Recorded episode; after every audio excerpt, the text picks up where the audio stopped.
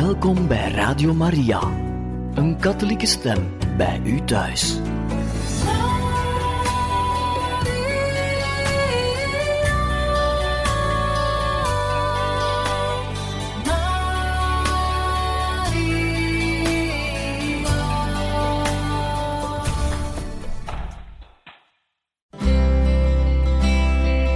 Welkom bij Boekat, een programma van Radio Maria.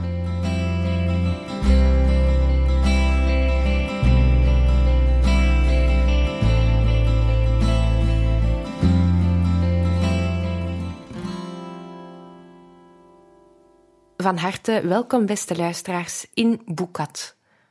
Momenteel lezen we uit een boek geschreven door Albino Luciani, de latere paus Johannes Paulus I, die in zijn tijd als patriarch van Venetië de ongewone opdracht had aangenomen om iedere maand een brief te schrijven aan een beroemde persoonlijkheid in de periodiek Messaggero di San Antonio.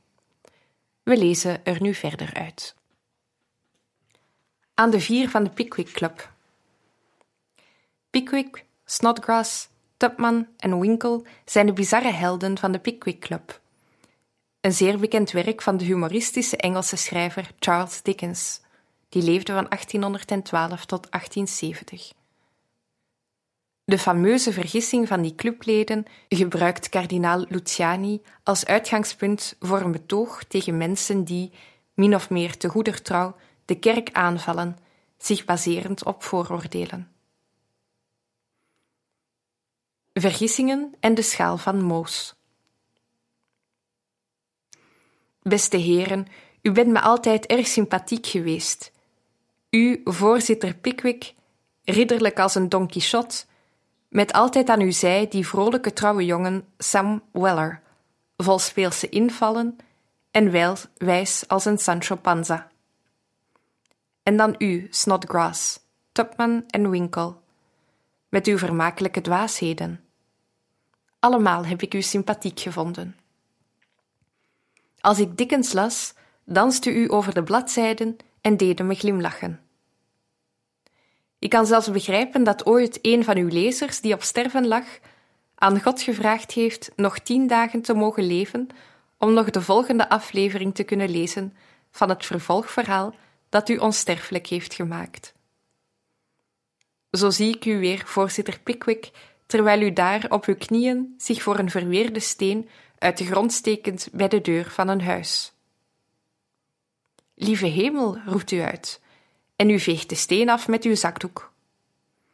Op de buitenkant van die steen bemerkt u enkele letters, en onmiddellijk hebt u het zekere gevoel dat het hier gaat om een heel oude archeologische vondst. Voor tien shillings koopt u van de eigenaar van het huis die steen en brengt hem als een reliquie naar de herberg en laat hem uw vrienden zien. De steen wordt op tafel gelegd en allen verslinden hem als het ware met ogen die glanzen van vreugde. De steen wordt eerbiedig naar het clubhuis gedragen. Er wordt een algemene vergadering belegd en verschillende deskundigen openen hun mond en geven vernuchtige en subtiele hypothesen, ten beste over de inscriptie. U zelf, voorzitter, schrijft met de eruditie die u kenmerkt een boekje met 27 mogelijke interpretaties van het inschrift. Uw inspanning wordt terecht beloond. 16 wetenschappelijke verenigingen in binnen- en buitenland benoemen u tot erelid, als erkenning van uw ontdekking. Maar dan? Dan komt er een jaloerse tegenstander naar voren in de persoon van het clublid Blotten. Hij stelt een onderzoek ter plaatse in. Hij ondervraagt de man die u de steen verkocht heeft en brengt aan de club verslag uit. Ja, de steen is zeer oud, maar de inscriptie is zeer recent aangebracht door de man die u de steen verkocht heeft. Die verklaart dat hij niets anders heeft willen schrijven dan firma Bill Stump, zoals iedereen kan lezen. De reactie van de club volgt onmiddellijk. Blotten wordt uit de club gegooid als een lasterend en verwaand mens. Namens allen krijgt Pickwick een gouden bril aangeboden. ten teken van instemming en hoogachting. En van de zijde van de zestien verenigingen komt er een motie van afkeuring tegen het gedrag van Blotten. Maar nu we onder ons zijn, beste voorzitter, nu mogen we het wel zeggen. Er was geen sprake van een archeologisch voorwerp, maar van een doodgewone, banale kei. U was er levensgroot ingevlogen, en te goeder trouw had u uw drie vrienden, alle leden van de Pickwick Club en de zestien verenigingen er mede doen invliegen. Zoiets kan gebeuren. En juist omdat het gebeurt, en opdat het zo weinig mogelijk gebeuren, heeft Sint Thomas, de kerkleraar, een boekje geschreven over vergissingen. Dat heet De Fallacies. Staat u me toe er enkele punten van met u te bespreken? Goed? Uw vergissing was er een van het soort dat Thomas een paralogisme noemt, ofwel een foutieve redenering, maar te goeder trouw geformuleerd. Dat gebeurt tegenwoordig ook. Ik hoor dikwijls de paralogismen van mensen die te goeder trouw de kerk bestrijden. Enerzijds doet me dit pijn, vanwege mijn liefde voor de waarheid. De kerk is in waarheid helemaal anders dan zij denken. Anderzijds troost het me enigszins. Ik zie dat die mensen dikwijls gekant zijn niet tegen de kerk, maar tegen de voorstelling die zij zich maken van de kerk. Gewoonlijk komen die vergissingen of paralogismen voort uit vooroordelen die in de lucht zitten en die rondgestrooid worden door de propaganda met pakkende slogans. Zoals Kerk der Armen, Schatten van het Vaticaan, Kerk, bondgenoot van de macht. Dit zijn ideeën die vele mensen tot vijanden van de kerk maken, terwijl ze haar vroeger beminden en hoogachten. Vraag je die mensen wat ze bedoelen met de kerk der armen, dan weten ze dat dikwijls niet te zeggen. Als ze horen dat die fameuze schatten geen handelswaarde hebben, dat een groot jaarlijks inkomen voor de heilige stoel noodzakelijk is om te voorzien in vele noden, ook en vooral in die van arme mensen, dan geven die mensen gedeeltelijk toe en stemmen ermee in. Maar niettemin, de propaganda gaat door. De vooroordelen blijven bestaan. De vergissingen houden niet op. Gelukkig zal God eenmaal die mensen oordelen nadat hij hun hoofd gewogen heeft, en hij zal ze, hoop ik, redden. Ondanks de verwrongen ideeën die tegen hun wil in die hoofden zijn terechtgekomen. Maar, beste Pickwick, niet alle lui die verkeerd redeneren, handelen te goeder trouw zoals u dat deed. Er zijn er die opzettelijk willen bedriegen met hun woorden. Dan hebben we niet meer te doen met een paralogisme, maar met een sofisme. Dan komen er lelijke menselijke hartstochten in het spel. Welke?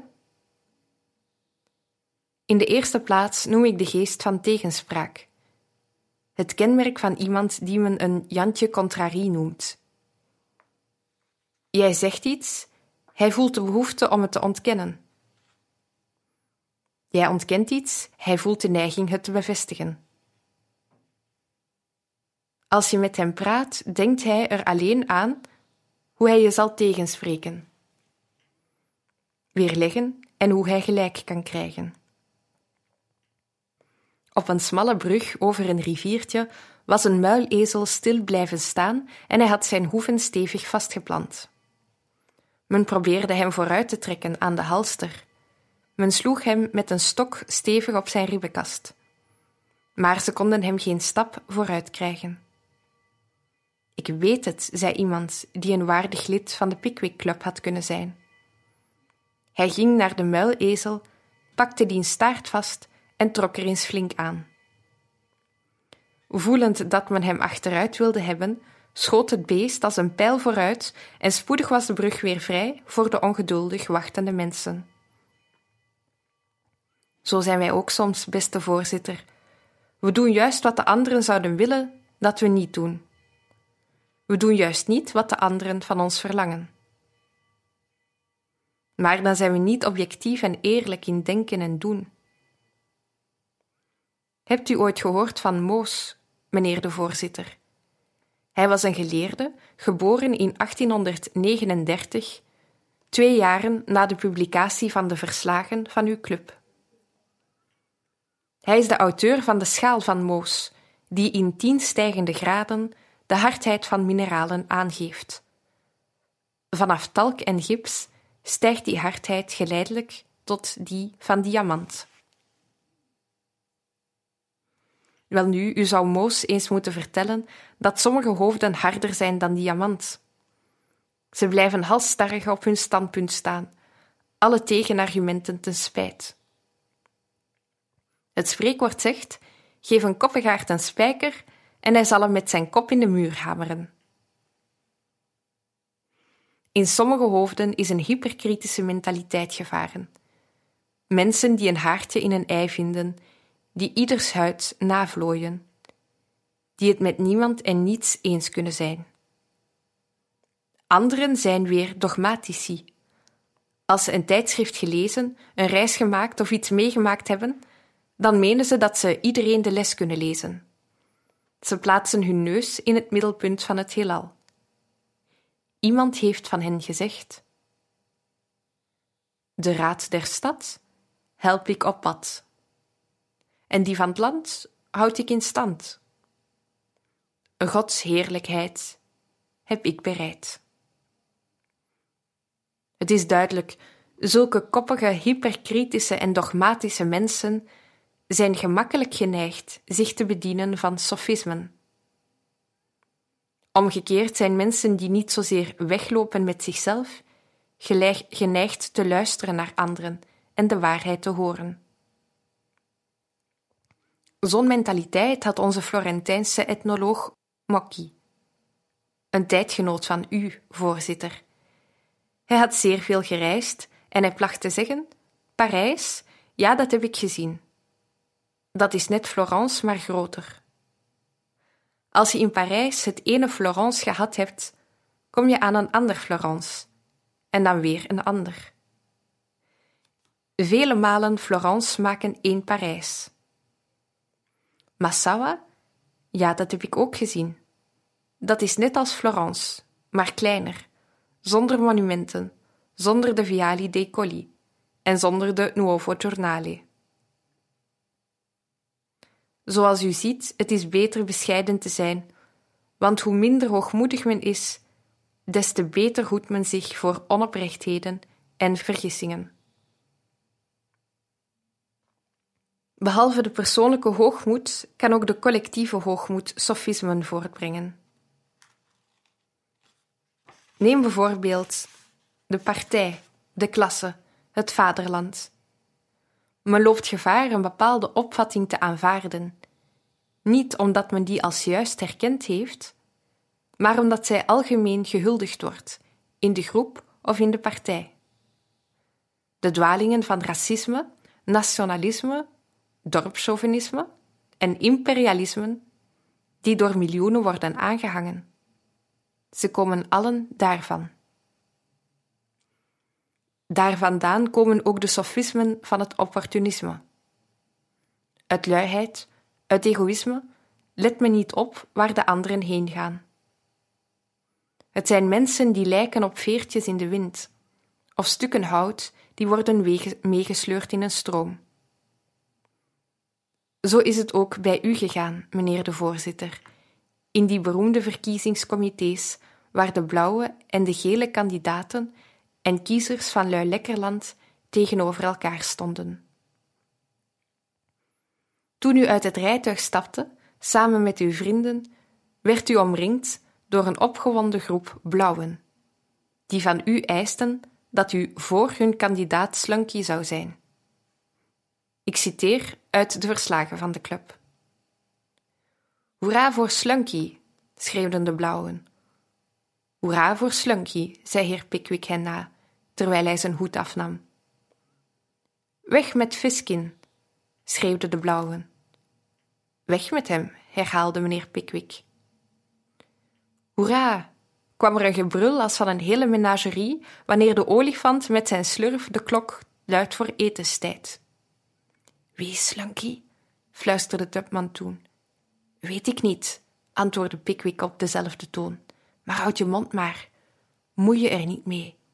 In bepaalde omstandigheden kun je beter doen wat zo'n groep mensen doet. Maar als er eens twee groepen zijn, opperde Snodgrass. Dan schreeuw je met de grootste groep mee, antwoordde Pickwick. Wel, voorzitter, daar hebt u me eventjes wat gezegd. Als je schreeuwt met de hardste schreeuwers, kunnen alle mogelijke verkeerde dingen gebeuren. En het is niet gemakkelijk de dingen dan weer in orde te brengen. U weet het, een gek kan gemakkelijk een kostbare armband in de put gooien. Maar twintig verstandigen zijn wellicht niet voldoende om hem er weer uit te halen. U weet het, en God geven dat iedereen daarvan overtuigd is, en dat niemand ooit die gek speelt. Mei 1972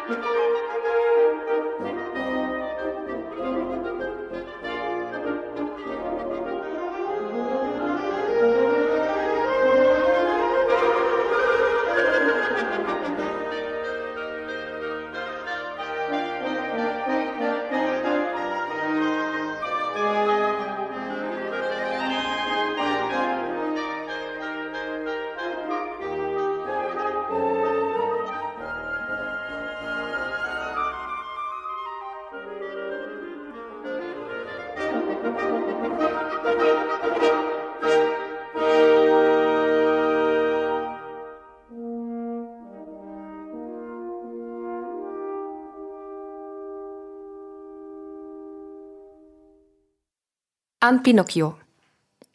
Pinocchio, het houten kereltje, is een onsterfelijk figuur uit het verhaal van die naam, geschreven door de Florentijn Collodi, pseudoniem van Carlo Lorenzetti. Die leefde van 1826 tot 1890. Wanneer de Pinocchio's, kinderen, van vandaag opgroeien, krijgen zij te maken met de problemen van de liefde. Op dit gebied wordt door menig een een verregaande vrijheid verdedigd. Maar onze jongeren moeten die niet aanvaarden. Hun liefde moet blijven als een mooie bloem. Als je verliefd raakt. Carissimo Pinocchio. Ik was zeven jaar toen ik voor het eerst de avonturen las. Ik kan niet zeggen hoe fijn ik die vond en hoeveel keren ik ze gelezen heb. In jou zag ik als jongen mezelf terug. In jouw omgeving zag ik mijn eigen omgeving. Dikwijls dwaalde jij midden in het bos door de velden, op het strand, door de straten. De vos, de kat, de hond Medoro liepen met je mee, en ook de jongens die elkaar met boeken bekogelden. Het leken me mijn eigen omzwervingen, mijn makkers, de straten en velden van mijn dorp. Jij ging de woonwagens bekijken die op het plein waren aangekomen. Dat deed ik ook. Je had wel eens een bokkenpruik op, je trok vieze gezichten, je stak je hoofd onder de dekens voordat je het glas met die bittere medicijn nam. Dat deed ik ook. Die snee brood aan beide kanten besmeerd, die rumboontjes, die suikerballen, soms zelfs een ei, een peer. Ja, de schil van de peer vormden voor jou het summum van heerlijkheid, gulzig en hongerig als je was. Zo ging het ook met mij. Op weg naar school en terug raakte ik ook verwikkeld in gevechten, in de winter met sneeuwballen, de rest van het jaar met de vuist of op andere manieren. Soms won ik, soms verloor ik. De balans probeerde ik ongeveer in evenwicht te houden. Thuis zeurde ik er niet over als ik verloren had, want als ik geklaagd had, zou ik er nog een pak slaag bij gekregen hebben. Nu ben je teruggekomen. Je hebt met ons gesproken, niet meer vanaf de bladzijden van het boek, maar vanaf het televisiescherm. Maar je bent nog precies dezelfde jongen van vroeger. Ik zelf ben oud geworden. Ik bevind me nu, als ik het zo zeggen mag, aan de andere zijde van de barricade. Ik herken mezelf niet meer in jou, maar in je raadgevers, Geppetto, de meester timmerman die je maakte, de sprekende krekel, de merel, de papegaai, de glimworm, de krab, het marmotje. Die hebben getracht je goede raad te geven, hoe je je als kind moest gedragen, al heb je er niet naar geluisterd, behalve in het geval van de tonijn. Ik tracht je raad te geven voor je toekomst als jongen en als jonge man. Nee, ik zal niet steeds op hetzelfde blijven hameren. Ik voel er niets voor het lot te delen van de sprekende krekel. Heb je gemerkt dat ik onder je adviseurs niet de blauwharige vee genoemd heb? Haar manier van doen bevalt me namelijk niet. Door moordenaars achterna gezeten, beuk je wanhopig op haar deur. Ze verschijnt voor het venster met een bleek gezicht als dat van een wassen beeld. Ze maakt niet open en laat je aan je lot over. Het is waar, nadien verlost ze je uit de eik waaraan de rovers je ophingen. Maar dan neemt ze je weer lelijk beet door vier inktzwarte konijnen in je ziekenkamer binnen te laten komen, een doodskist op hun schouders dragend.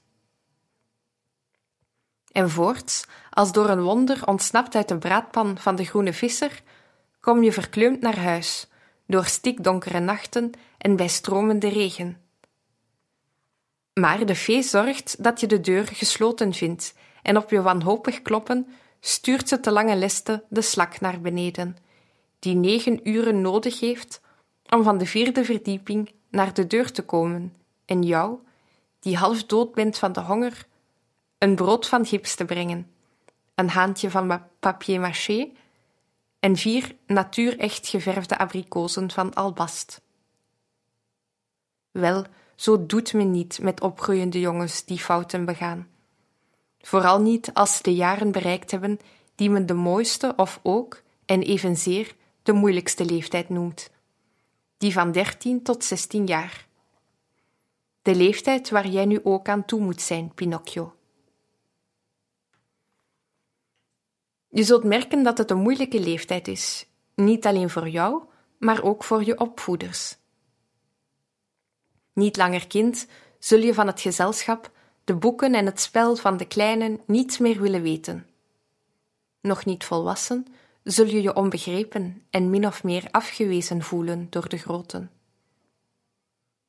Je zult hard groeien en opeens het gevoel krijgen dat je benen kilometers te lang en je armen als molenwieken zijn, terwijl je stem heel anders gaat klinken dan eerst. Je gaat heel sterk de noodzaak voelen om je ik te bevestigen. Enerzijds ga je je afzetten tegen het milieu van het gezin en de school, anderzijds steven je met volle zeilen de solidariteit binnen van de groep jongens, de club waar je bij hoort. Je zult onafhankelijkheid eisen van je familie en anderzijds er naar hunkeren door je leeftijdgenoten aanvaard te worden en je naar hen te richten. Wat een zorg om toch vooral niet anders te zijn dan de anderen. Wanneer de club heen gaat, daar ga jij naartoe. Waar zij stilstaat, daar sta jij stil. Het vermaak, de taal en het tijdverdrijf van de anderen maak je tot de jouwen. Zoals zij erbij lopen, loop jij erbij. De ene maand dragen ze allemaal pullovers en blue jeans.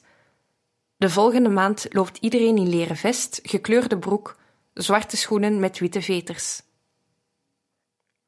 In sommige dingen zijn jullie anticonformistisch, maar in anderen, zonder dat jullie het je realiseren, voor de volle 100% conformistisch. En hoe wisselvallig is je humeur? Vandaag blij en volgzaam als toen je tien jaar was, morgen lastig als een ziekelijke oude driftkop van zeventig. Vandaag wil je vliegenier worden, morgen besluit je toneelspeler te worden. Vandaag ben je moedig en onbevooroordeeld, morgen verlegen en bijna bang. Hoeveel geduld, toegeeflijkheid, liefde en begrip zal meester Geppetto met je nodig hebben. Er is nog meer. Je zult introspectief worden. Dat wil zeggen, je zult jezelf van binnen gaan bestuderen en je zult daar nieuwe dingen vinden. Je zult melancholisch worden. Je zult de neiging hebben om te dagdromen. Je zult gevoelig en zelfs sentimenteel zijn. Het kan gebeuren dat je al op de derde of vierde klas van het gymnasium een vlam krijgt. Niet zoals de kaarsdragende misdienaartjes, maar zoals de jonge David Copperfield die zegt: Ik aanbid Miss Shepherd. Ze is een meisje met een kort manteltje, een rond gezicht en krulharen. In de kerk kan ik niet in mijn gebedenboek kijken, omdat ik de hele tijd naar Miss Shepherd kijken moet. Voor mij hoort Miss Shepherd bij de koninklijke familie. Op mijn kamer roep ik soms ineens uit: Oh, Miss Shepherd. Waarom ik haar soms heimelijk een dozijn okkernoten toestop, ik weet het niet. Ze zijn geen symbool van mijn genegenheid, en toch voel ik ze dat ze bij Miss Shepherd passen. Ik geef haar ook taaie en smakeloze biscuits en vele sinaasappels. Miss Shepherd is het enige visioen dat mijn hele leven beheerst. Hoe komt het dat ik haar na enige weken links laat liggen? Me fluistert dat ze meer op heeft met die jongen van Jones. Op een dag dat ze met vriendinnen langs me heen liep, trok Miss Shepherd gezichten en barstte daarna met de anderen in lachen uit. Alles is nu uit. De verering voor een leven lang is verdwenen. In de kerkdienst op zondagmorgen komt Miss Shepherd niet meer voor en de koninklijke familie erkent haar niet langer. Wat Copperfield overkwam, overkomt alle jongens en het zal jou ook overkomen, Pinocchio. Maar hoe zul je bij dit alles door adviseurs worden bijgestaan? Voor het verschijnsel van de lichamelijke groei zou je volgende sprekende krekel onze oude Vittorino da Feltri kunnen zijn een renaissance-pedagoog die veel op had met jongens van jouw leeftijd en die bij de opvoeding enorm veel belang hechtte aan oefeningen in de open lucht. Paardrijden, springen, schermen, jagen, vissen, lopen, boogschieten, zingen.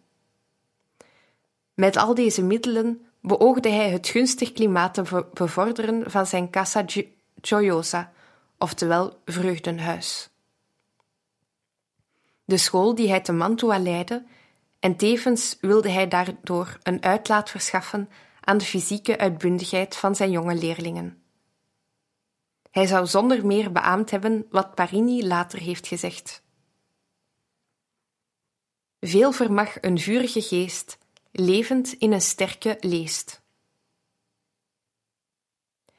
Je vriend Tonijn, die je veilig op zijn rug naar de oever droeg, vlak nadat je uit de buik van de walvis ontsnapt was, zou je, rustig en overredend als hij is, kunnen blijven helpen bij de aanstaande en boven reeds genoemde crisis om jezelf te worden.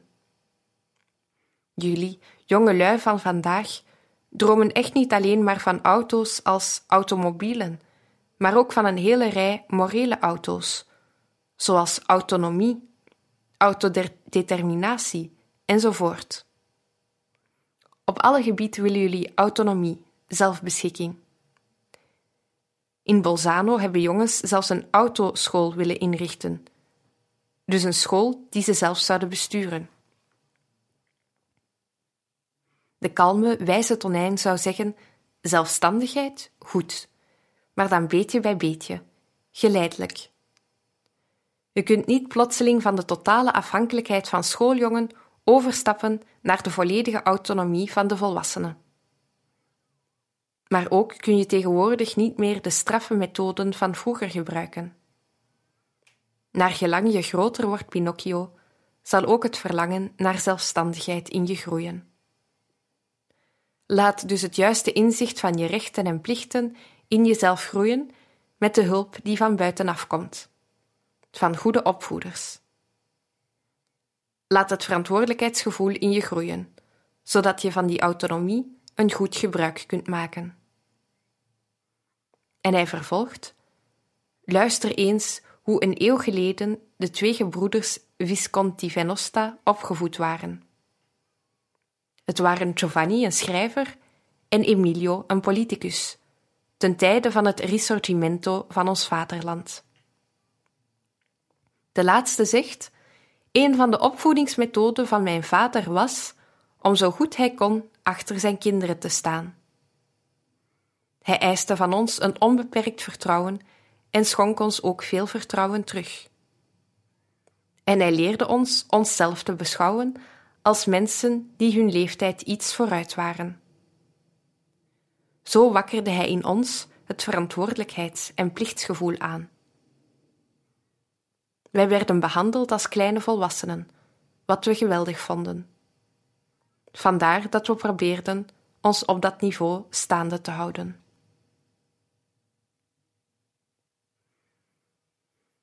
Beste Pinocchio, op hun reis naar zelfstandigheid komen de jonge lui op de leeftijd tussen 17 en 20 jaar bijna allemaal een heel groot struikelblok tegen. Het probleem van het geloof. Dat staat jou dus ook te wachten. De argumentaties tegen de godsdienst zul je inademen zoals je de lucht inademt. Op school, in de fabriek, in de bioscoop enzovoort. Als je geloof een berg goede tarwe is, dan zal er een leger van muizen op afkomen. Als het een kleed is, zullen honderden handen dit willen verscheuren. Als het een huis is, zal het houweel het beetje bij beetje willen afbreken. Je zult je moeten verdedigen. Alleen wat verdedigd wordt, blijft behouden. Voor vele aanmerkingen op het geloof is er een afdoend antwoord. Voor anderen heb je nog geen afdoend antwoord gevonden. Wat te doen? Niet je geloof overboord gooien. Tienduizend moeilijkheden wettigen nog niet één twijfel, zei Newman. En houd twee dingen goed in de gaten. Ten eerste, je moet je houden aan elke zekerheid, ook al is het niet de evidente zekerheid van de wiskunde. Dat Napoleon, Caesar of Karel de Grote bestaan hebben, is niet zeker, zoals 2 maal 2 4 is. Maar het is zeker met een menselijke historische zekerheid. Evenzo is het zeker dat Christus bestaan heeft en dat de, de apostelen hem dood en weer verrezen hebben gezien. Ten tweede, de mens moet gevoel hebben voor het mysterie. Van niets weten we alles heeft Pascal gezegd. Ik weet veel van mezelf, maar niet alles. Ik weet niet precies wat mijn leven is, wat mijn denken, hoe mijn gezondheidstoestand enzovoort. Hoe wil ik dan van God alles kunnen weten en begrijpen? De meeste bezwaren die je te horen krijgt, zullen de kerk betreffen. Soms kan daarbij een kwinkslag helpen, zoals door de schrijver Pitti verteld. In Londen, in Hyde Park, staat iemand in de open lucht te spreken. Hij werd, wordt telkens in de rede gevallen door een man die er slecht gewassen en ongekamd uitziet. Opeens roept deze man: De kerk heeft al 2000 jaar bestaan en de wereld is nog steeds vol dieven, echtbrekers en moordenaars. De spreker antwoordde: Al twee miljoen jaren is er water op de wereld. En kijk eens hoe je nek eruit ziet. Met andere woorden, er zijn slechte pausen, slechte priesters, slechte katholieken geweest. Maar wat wil dat zeggen? Dat men het evangelie gevolgd heeft? Nee, het betekent in tegendeel dat men in die gevallen het evangelie niet gevolgd heeft. Beste Pinocchio, over jongelui bestaan twee beroemde gezegden. Het eerste, die ik je aanbeveel, is van Lacordaire. Heb een mening en houd eraan vast. Het tweede van Clemenceau kan ik je bepaald niet aanbevelen. Hij heeft geen overtuigingen, maar hij verdedigt ze met vuur. Willen we weer terugkeren naar David Copperfield? De herinnering aan Miss Shepherd ligt al een jaar of wat achter hem. Nu is hij zeventien en hij wordt opnieuw verliefd. Ditmaal aanbidt hij een meisje dat Larkins heet. Zijn dag is gelukkig als hij haar enkel maar heeft kunnen toeknikken. Hij voelt zich pas op zijn gemak als hij zijn beste kleren aan heeft en hij laat voortdurend zijn schoenen poetsen. Hij dagdroomt.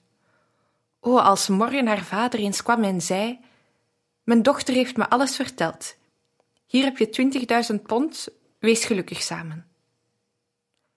Dan droomt hij dat zijn tante vertederd is en haar zegen geeft over dit huwelijk. En terwijl hij zo droomt, trouwt dat meisje Larkins met een man die hop verbouwt. Twee weken lang zit David in de put. Hij doet zijn ring af, trekt slordige kleren aan, gebruikt geen pomade meer, laat zijn schoenen niet meer poetsen. Wat later slaat de bliksem weer in. Nu is het Dora. Hij zegt: Ze was voor mij een bovenaards wezen, ze was een fee, een nimf. Ze was ik weet niet wat, al wat nooit iemand gezien heeft. In één enkel ogenblik was ik opgeslokt door een afgrond van liefde, hals over kop erin getuimeld, voordat ik een woord had kunnen zeggen. Dit zijn doorzichtige citaten. Je kunt er zo de problemen van de liefde en de verloving uit aflezen. Problemen waarop jij je ook moet voorbereiden, beste Pinocchio. We zijn hier op een terrein waar tegenwoordig door sommigen een uiterst ruimdenkende moraal wordt voorgestaan.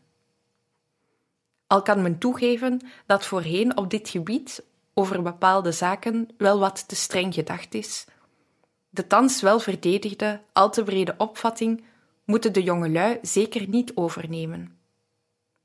Hun liefde zij er met een hoofdletter, mooi als een bloem, kostbaar als een parel en niet vulgair als de droesem onder in het glas. Zij moeten zich iets weten te ontzeggen en uit de buurt blijven van personen, plaatsen en vermakelijkheden die voor hen een gelegenheid tot kwaad zijn. Je zegt: Hebt u dan geen vertrouwen in mij? Jawel, we vertrouwen je. Het is niet uit wantrouwen dat we je eraan herinneren dat we allemaal blootstaan aan bekoringen. En het is liefde als we tenminste de onnodige bekoringen op je weg trachten te verwijderen. Kijk maar eens naar automobilisten.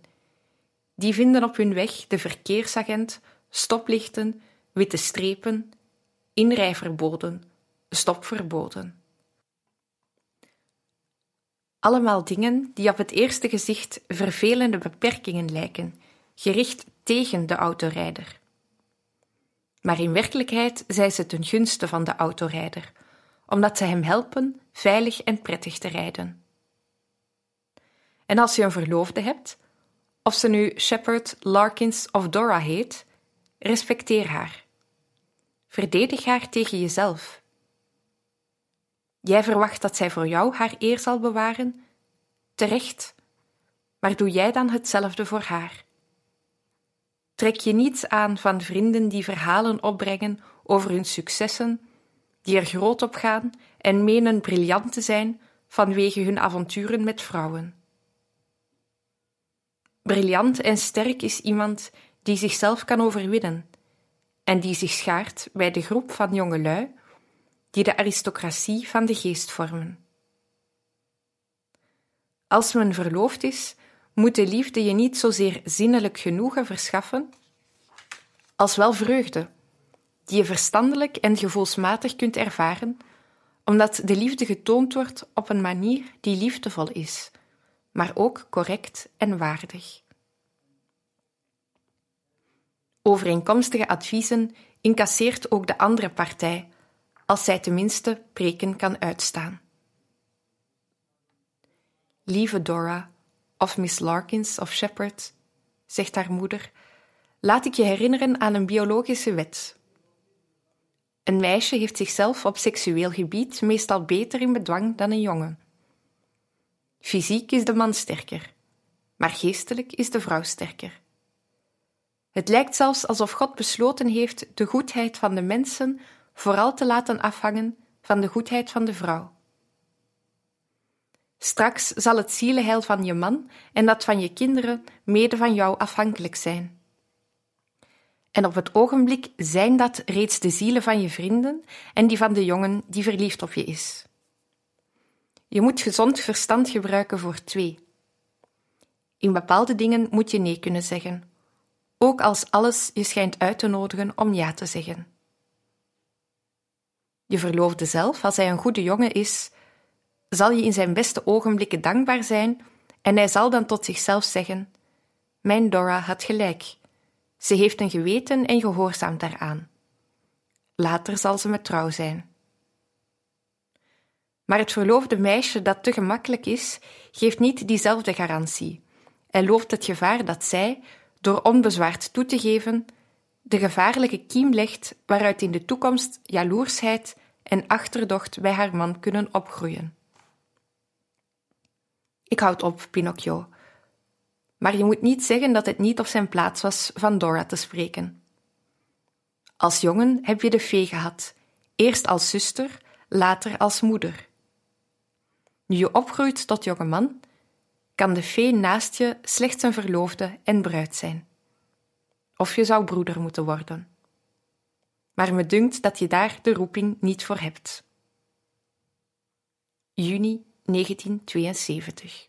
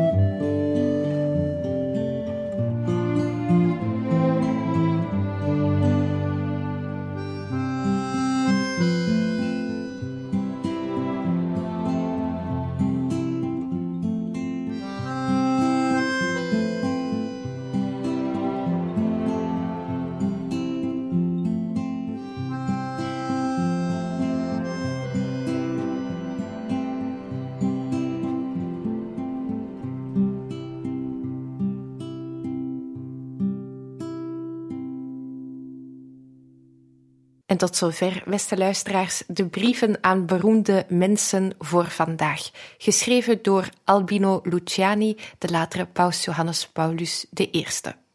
Radio Maria wenst u nog een mooie dag toe en veel luisterplezier.